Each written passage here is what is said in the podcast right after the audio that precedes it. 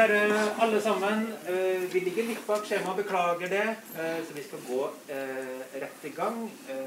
Veldig veldig hyggelig å se at det er så stor interesse for denne forestillinga, evangeliet etter Jesus himmelens dronning, og disse menneskene som er helt sentrale å lage denne forestillinga. Elisabeth Thorsen, som skal lede denne samtalen, har ikke bare oversatt Joe Cliffords tekst til norsk for oss på en helt nydelig måte, men har også vært en helt sentral og avgjørende bidragsyter inn i diskusjonene i etterkant av selve oversettelsen. Hva er dette stoffet? Hvordan ser vi på det? Hva betyr det? Teologisk, filosofisk, dramaturgisk på veldig mange andre måter. Eh, Det er derfor helt riktig at det er Elisabeth som leder dette mestermøtet. Eh, Så da gir jeg bare ordet til deg, Elisabeth. Ønsker henne varmt velkommen.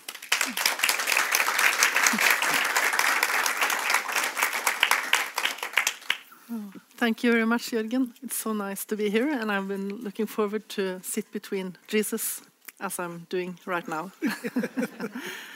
um, before we start, we should just tell a little bit about ourselves. So, as Jürgen said, my name is uh, Elizabeth, and I am a theologian, and I have been working as a priest for 30 years, uh, 20 of them in Oslo Cathedral. And uh, the last two years, I've been uh, trying to write a little bit myself. So I've written a novel and uh, some um, other stuff that is coming this autumn. And uh, it has been such a great privilege to translate your uh, Yeah. performance. Thank you. Really, Thank you. it has um, shaped me in many ways. In ways that I like to be shaped. so, before we start the little talk, uh, could you tell us a little bit about yourself? Um, yes, it's very lovely to be here. Thank you for inviting me. Lovely to be with you too. How exciting! um, uh, my name is Jo Clifford. I am a playwright and a performer and a mother. Uh, oh no, I'm a father and a grandmother. Uh, oh, and I'm also a saint. Uh, recently, I was made a saint by the Order of Perpetual Indulgence. I don't know if you, they exist in Norway, but uh, I was very honoured by that. Uh, I have just I have written hmm, about 110 plays Wow. um, in the course of quite a long writing career. Uh, my latest play was called The Not So Ugly Duckling, a play for grown ups, and in it I play an adolescent boy. Um, I was blocked as a performer for many years. It was Jesus, Queen of Heaven, really, that opened that door for me, so that in my late 60s I came to rediscover the joy of performance. Um, and uh, my next project will be is kind of ecclesiastical too. I last year I wrote a COVID requiem, a requiem for those who died in the first wave of COVID who could not be with their family. Um, and uh, we will be performing it in St Mary's Cathedral in Edinburgh to Fauré's Requiem. So that's going to be very, very special, I think. Thank you. And you, Esben Esther? Jesus? Yeah, it's a long story. I'm a, first of all, I'm a proud father of two, grandparent of five.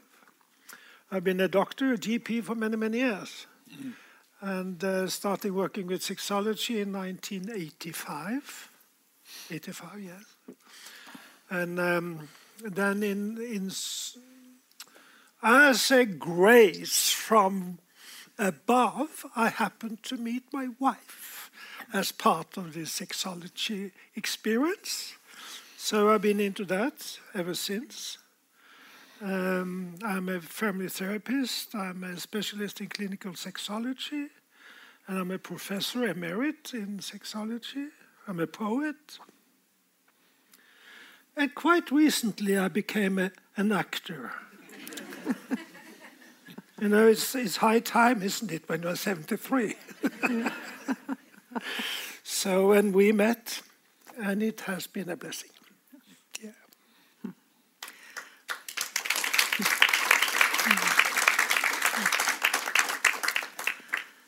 I was talking to my friend just before we came here and uh, tried to explain to her what this um, uh, performance was about. And then I realized that I should uh, start by saying a little bit about uh, the Gospels of the New Testament and the Gospel of Queen Jesus. Because uh, many people, I guess in Norway as well, think that um, the Gospels is something that is in the New Testament. Many people know that we have four of them and that's it, and they are holy. But um, you don't have to, to Google very much to find out that there are more uh, Gospels uh, that is not uh, included in the New Testament, but exists um, beside it and has existed for many, many years. And uh, those are um, Gospels written by people who who wanted to give a broader picture of who Jesus was or what Christianity is about or whatever God might be. Um, and that is one point that I think is uh, important uh, to be more to know, to be more um, willing to open up for, for your gospel. And the other uh, thing that I think is important is that um, if you think about baptism, which is a very central part in uh, Christianity and church, every time I baptize a child or a grown up, or every time a person is baptized into the church of Norway or uh, the church of whatever country or the Catholic Church, the priest will say, Go and tell. Go and tell about Jesus. And what, what is it to tell? Um, it is to tell about your meeting with the Holy, your meeting with God, your meeting with love, and, and tell, tell about it. And if you are going to tell your own story, you have to be yourself, you have to be true to yourself, and the calling of the other ones uh, is to, to listen to th those stories and try to, to see the person who is telling and to try to see the holiness in this person's story. So I think that is um, a, a very important background for reading or seeing the performance, mm. and also for um, uh, that is also the background for my uh, my um, uh, my own receiving of, of the, the, text that you wrote. But what? Why did you? Why did you write it? Mm. Well, when I was um, in my 40s and living as a man, I was very unhappy. Well, I was happy in lots of ways. I was happy with my wife, I was happy with my children, I was happy with my work. I had dreamed of becoming a writer, and I was a successful writer, and that is very, very hard in these yeah. days. But at the same time, I had this strange feeling I was not a man. And I couldn't understand that. I didn't know what to do with that. I kept wanting to wear women's dresses and women's skirts, and I was ashamed. I hated myself. And I wanted to find out why I hated myself. And I had the strangest feeling that the answer might be in the Bible, in the Old Testament. Uh-huh. Uh, luckily, at that time, I, I, was working as a as a. Well, I hadn't quite become a professor. I was working as a lecturer, so I had mm. money mm. coming in, which because I could not offer this idea. A play about the Bible? Ha! Ridiculous. Nobody will be interested.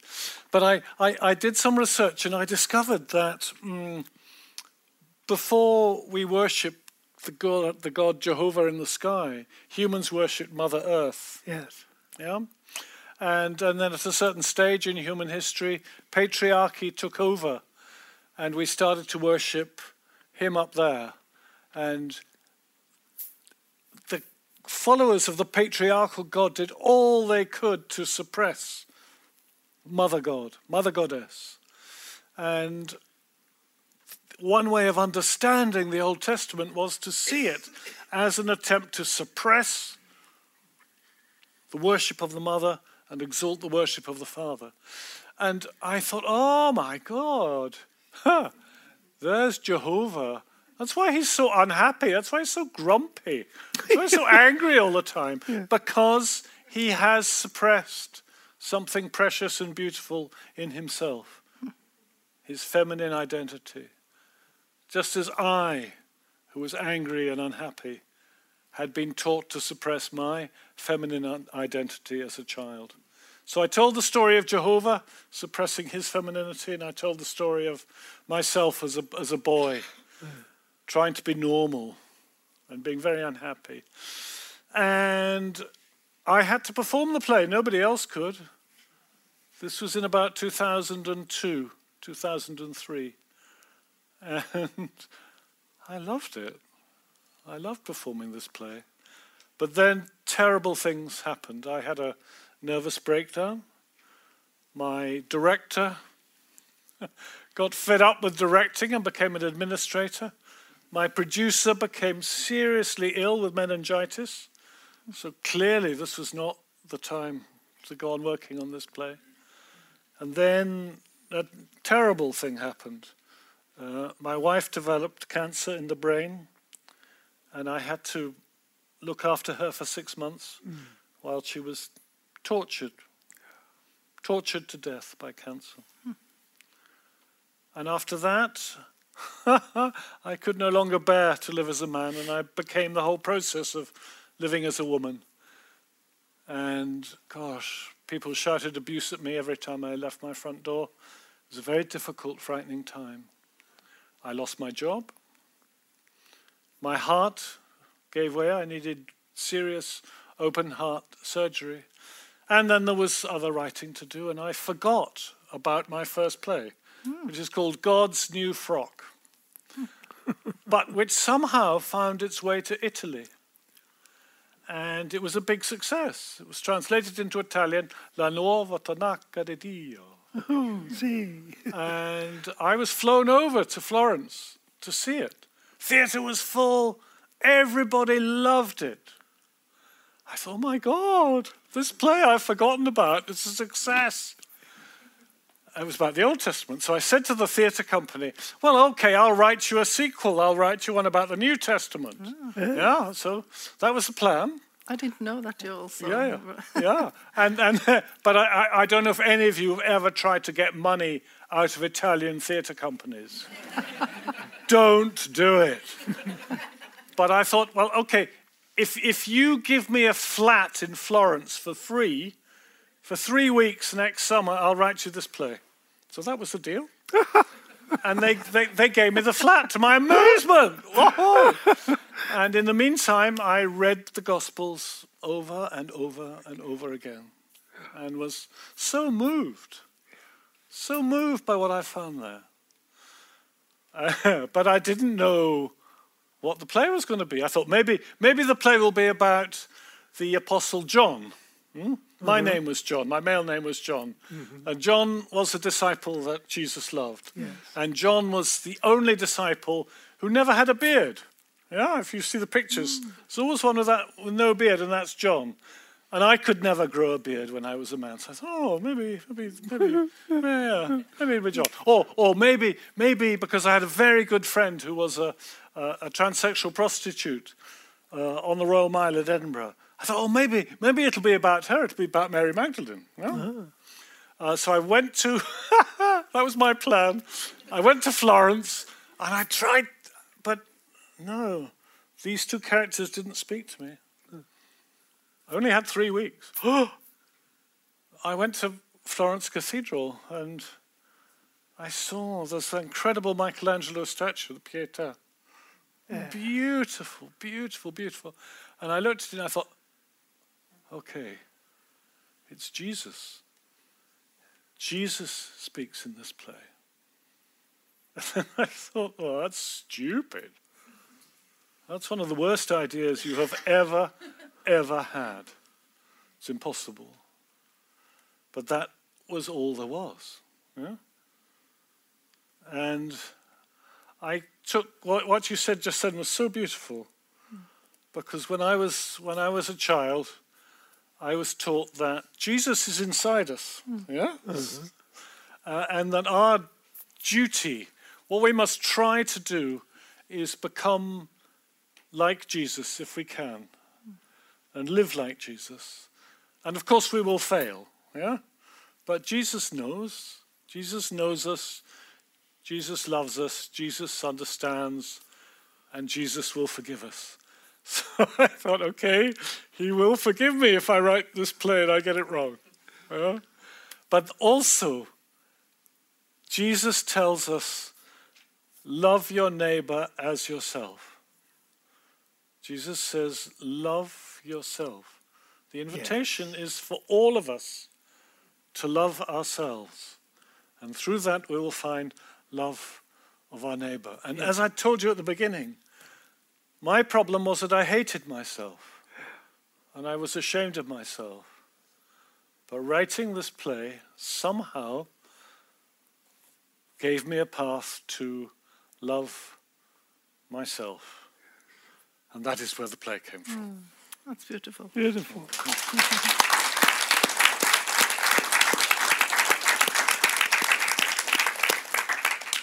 When you were talking now, I was thinking about a, a quote from Jesus, and he said, "You shall do greater things than I do." because I, d- I d- I d- I- it's easy to say that we fail as humans, but uh, I think it's also very beautiful the the um, the tillit. What is that? The trust. Confidence, the, yeah, the trust. trust that Jesus has in in uh, people. Uh, you will even do greater work than I I do. Jesus actually said that, according to the Gospels of the New Testament.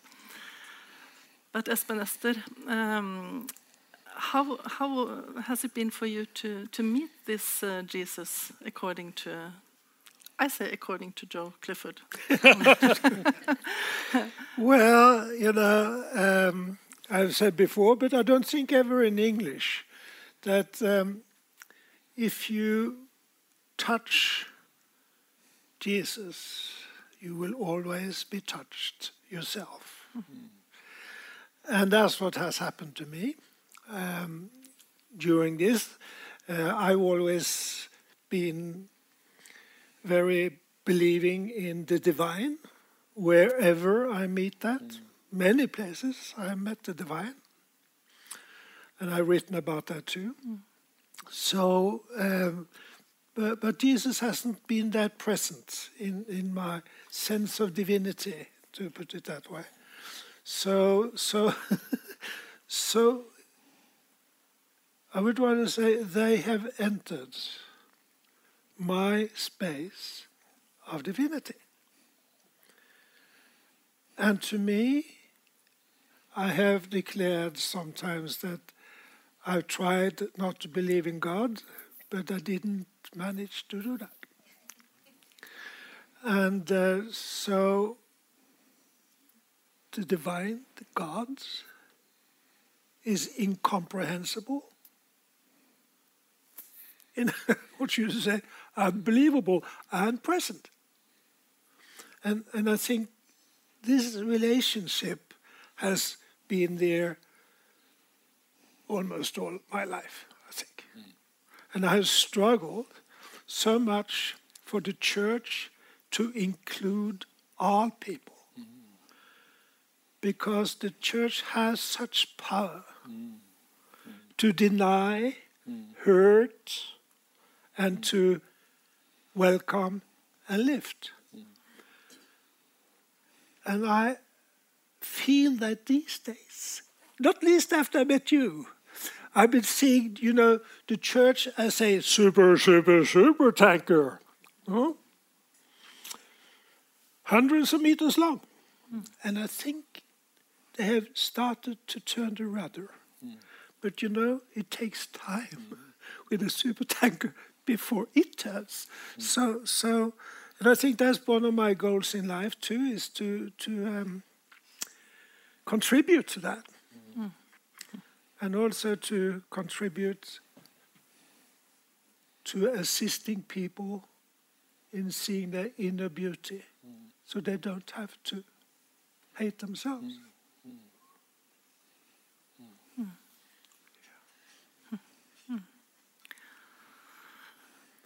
When I, I've been together with you for some hours when you have been uh, rehearsing, Yeah, yeah. and um, uh, sometimes I really got this uh, goose uh, skin, as we say in Norwegian, goose. What Goosebumps. Goosebumps, yes. Um, and I felt like the um, uh, like it was the God that I know, that I um, uh, got in contact with Yeah. Through your uh, pose and your words and how you said it. Well, Uh, words. Yeah, but then it, yeah, New you're both. words. I'm sitting in between. Yeah. uh, but um, how was that for you? Could you? Um, I, I, did you feel? Did you? um, Sometimes in church, when I'm a liturgist and I stand in the cathedral, I can feel uh, somehow like uh, uh, energy going through me in a way. Uh, I was curious. Did you? Yeah, absolutely. Yeah, yeah, yeah. Uh, and that's been, also been there almost all my life. That something goes through me, like the one to assist people in seeing their inner beauty. I didn't know I was doing that, but I was asked uh, by a, a, a Hindu in Delhi, and he asked, "Why are you here?" Meaning, not why are you in Delhi, but why have you chosen to come to Earth? You know, in the reincarnation thinking. And then I said that. I said? And that, so that just came through me. And I like to believe that that is the light of the soul speaking. The light of the soul. Mhm. Hmm. So there are, in a way, two levels in this uh, play. It's uh, the light of the soul that is uh, bigger than Christianity and Oh, yeah. bigger than any one religion. And there are um, also a very competent uh, theological uh, level in, in this uh, performance, I think. And um, when I started to translate, I discovered um, that uh, both quotations and scenes from the different Gospels uh, in your uh, Gospel. And um, I noticed that you had um, uh, put them together in a new way, where also uh, the different stories met each other and uh, uh, shed light on each other. And a new light. And and in a way I think made the, the core of the gospel stronger to me, more visible to me, and more powerful in a way. And uh, in addition to that, uh, you you uh, weave, I would say, your own life or your own experiences, I would guess, into these old stories and quote, quotes. Um, do you recognize my uh, analyze, analysis? Well, I, I'm very, very moved by your analysis. Very moved. I, I did not. There was no conscious intention to do any of this. Yeah. Um, I needed to. When I when I, I was in a, in a hurry, I had about two weeks left. because of the flat. Because of the flat, yeah. and, uh, you, so you have to close off your conscious mind. Yes. Yeah, it's no use thinking. You have to close it off, and you have to open open yourself up. You have to open yourself up to the character, whether it's Jesus or any of the other. And it must be hundreds of characters now that I have opened myself up to. Um, and you have to listen. You have to listen to what they have to tell you. Hmm. Yeah. And and I don't know. I w- wouldn't presume to know to tell you where that, whether you know where that came from. Probably hmm. down here hmm. somewhere. Probably my memories, my memories of the of the beauty. And if if my life is weaved through it, it's because I knew that everything that happened in the play, I had to be able to live through. Yeah. Hmm. So it was well, I worked as a nurse for some years, and so hmm. the idea of Jesus as a healer, which is so important in so hmm. many, well, he, she could not heal anybody because I can't heal anybody. I looked after my wife for six months when she was dying, and I could not make her better. Um, so that could I could not make bread out of stones. I could not feed the fire. All these things I could. All I could do was what makes sense to me, what resonates with my being. yeah. And yeah, so so yes, I, I really appreciate and I love what you're saying. but That's what I but, needed to hear. but I but I cannot claim that I meant that. No. Yeah, I cannot claim that I intended that. But what I find interesting that uh, this gospel is in a way uh, uh, born out of a pain, Yeah. and um, it. Uh, you say that you couldn't heal, uh, but I feel that it heals something in me. Many, many people have said that to me. Yes, yeah, I'm yes. profoundly moved by that. And, and But then I would like to ask uh, Esben Esther if you can understand, like, why why is it healing to read such things? Like, if you answer us as a medical doctor. Well, that is something medical doctors would never answer in a way. but you know, I've been working with people for 45 years, touched so many bodies, seen so much disease, seen so much sorrow, mm-hmm. hopelessness, mm. but also, you know, victories. And, mm. and I always considered that on one side, you have what the doctors do. And the other side, you have what the body does. Mm. And we have overemphasized what the doctors do and underestimated what the body does. Mm. So then, what inspires the body? What does sort of get our healing powers going? Mm. I know it doesn't always work. You have told us about that. But still, I see that. And I see that when people can open up, like sensing what they are and expressing what they are mm. and being welcomed as they are, that mm. does it. That does awaken the healing powers, mm. as does a play like this, as does this feeling of being welcomed, taken in, embraced. There is no medical record of that. There is no science of that. But all of us who have been working with people, we know that. I'll tell you a little story that is cool. Okay?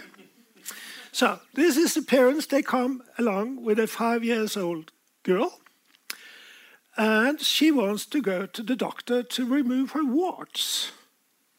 To And she- remove her. Warts, vorter. Yeah, okay. And and and she showed me her hand. It looked like you know, like you know, a lot of grapes. It was just full. So I would have had to amputate here in order to get those warts away. So so what do you do? So my father was a doctor, and he said something. Sometimes you just have to do magic. And I said, okay, this must be the time when you do magic. So I took her hand. It was only one hand in mine, and I said something. Little prayer inside. And I said, in two weeks they will be gone. Hmm. So, three years passed, and the same parents come along with the child three years older, and she insisted to go to me because I was the only doctor who could do magic. They disappeared. Hmm. So, and every doctor knows that. And how do we activate these mm. voices? Mm. I don't know, but we can try. Mm. And I think this play is one thing, at least for me. I, I think I think it healed me. Yeah. Yeah, The, the writing of writing the yeah. play, Yeah. and I think performing the play healed me. When um, when I was young, I was sent away to school. It's a very barbaric practice they have in England. Uh, I was eight years old and I was Oh, yeah. sent away. I was separated from my mother uh, and sent away to school. And I, I, I was in boarding school from eight till 17. I suffered greatly. And in the middle of this process, my mother died very suddenly. So I was cut off completely from any source of emotional support. And in the middle of that, when I was maybe 15, I was asked to be part of the school play. It was a boys' boarding school, and they gave me the girls' part. Ah, good for you. Uh, I played a girl called Sylvia in no Lizzie, Lizzie, and next time I'll sing to you. And I cannot tell you how much I loved being Lizzie. Oh, and I loved the rehearsal process. The minute I stood on a stage, even if it was an imaginary stage, I became myself. Suddenly I was no longer shy and awkward and frightened and someone with no place in the world. I had a place in the world, and I had a voice and I had a skill. Hmm. And I loved, and I loved being Lizzie. I loved the clothes, I loved the makeup, I loved the wig, I loved everything. But this was a brutal school. And if people had known that I was enjoying being Lizzie, hmm. my life would have become unbearable. Yes. The bullying would have made my life unbearable. And I knew that in order to survive, I would have to try to be normal. I would have to put Lizzie uh, in a box somewhere and be normal. And so, and then when I, but I loved acting. I, went, I tried to go for male parts and I, I couldn't act. It was humiliating. And so theatre went into the box as well. And it, that was 15 years old. It took me 20 years to find my voice as a theatre writer. And then for years and years and years, I wrote all these plays, uh, always with a woman in the centre. Yeah. So, so that, that was how I could express myself. And I realize now that I wanted to act in every single one of them. Yeah? But I couldn't. Or I wanted to be like the chorus girls in the show yesterday. You saw them? Gorgeous costumes. yeah. Oh, that's who I wanted to be, and I could not be. But when I started to write about being trans, well, there were no trans actors. There was no, I didn't know about you. It would have been wonderful to know about you. We should have met many years ago. oh, you should have done. There was Maybe no, the way we did. there was nobody. But I had to do it. And I did it with God's New Frock in whenever that was, 2001, 2002. And then I did it again with Jesus, Queen of Heaven. When I first performed Jesus, Queen of Heaven, I thought people would find it a very dull play because it was religious and it was an act of devotion, devotion to Jesus. Absolutely. But when I turned it up at the theatre, the street outside the theatre was full of angry people protesting against my play. I was horrified. Catholics brought along the Virgin Mary, they brought along a statue of the Virgin Mary because I had offended her. Protestants were very stern. Oh, they had placards. God says, My son is not a pervert. Glasgow, there's a big problem of hatred between Protestants and Catholics. Hmm. My play brought them together.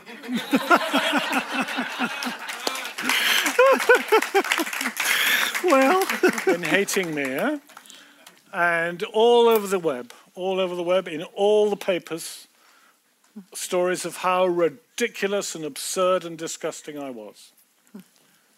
And oh my goodness. People are starting to, to leave because they are going to another play. Oh, you're going to another play. I'm sorry, I thought I'd offended you. But uh, I, I promised Jørgen to, to stop at five to seven, so we Oh have God, fi- five more minutes. Five more minutes. five more- that's oceans of time. Yes, And And um, I've, I've been going on about this, but I'm so sorry. That's okay. I think uh, it's uh, we could have been talking for a couple of yeah. hours, but uh, I have learned some new words uh, from you, and that is um, trans gifted and uh, trans talented. Yes. Um, and I think those are uh, very beautiful words that we should uh, use more often. Adopt it. Adopt it, yes.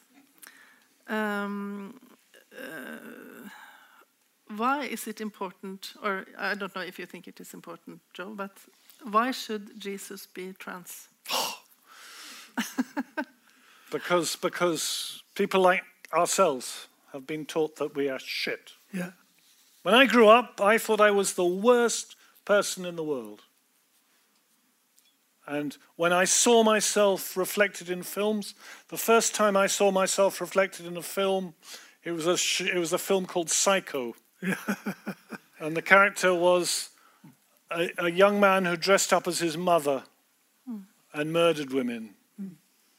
Clearly, Hitchcock, when he wanted to conceive of somebody, the worst person he could think of, he thought of someone like myself who had lost her mother.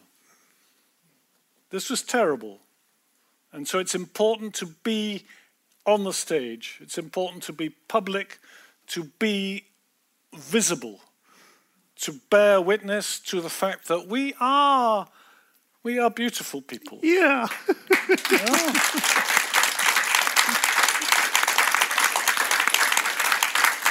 Thank you.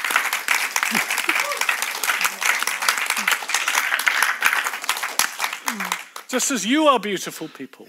Yeah? People are beautiful.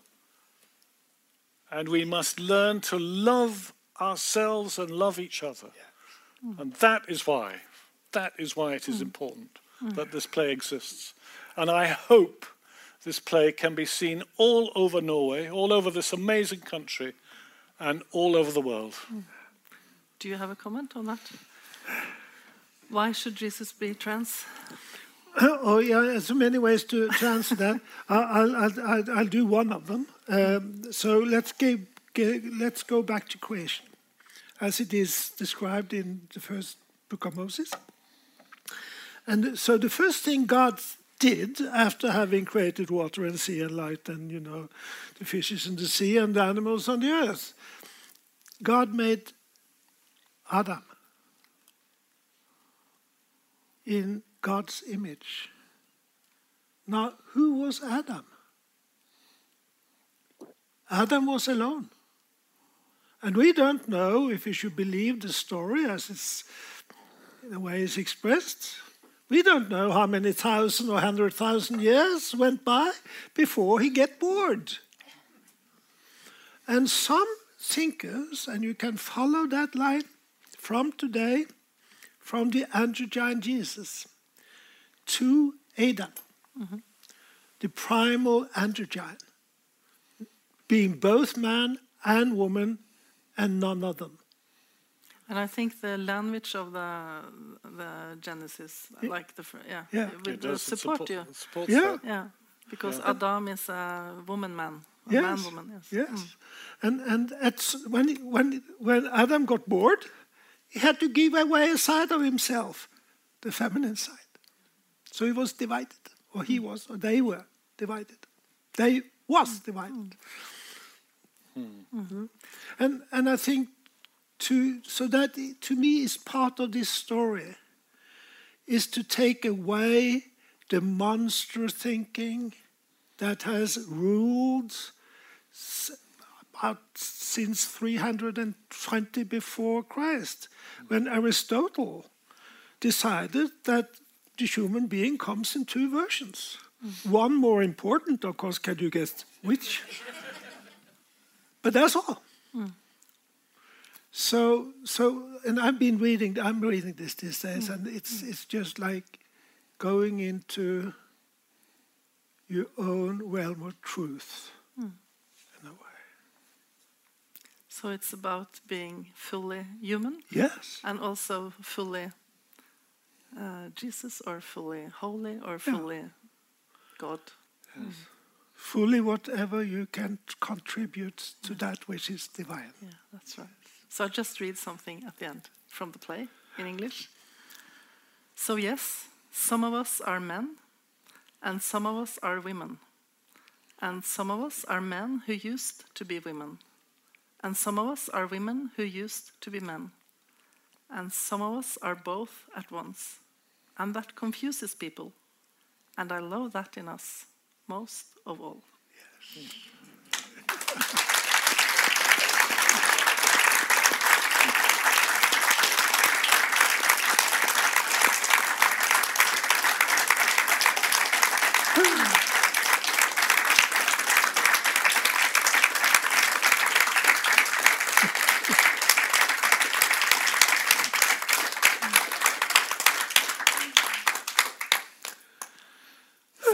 each other on Sunday. Yes. Thank you. Thank you. Tora,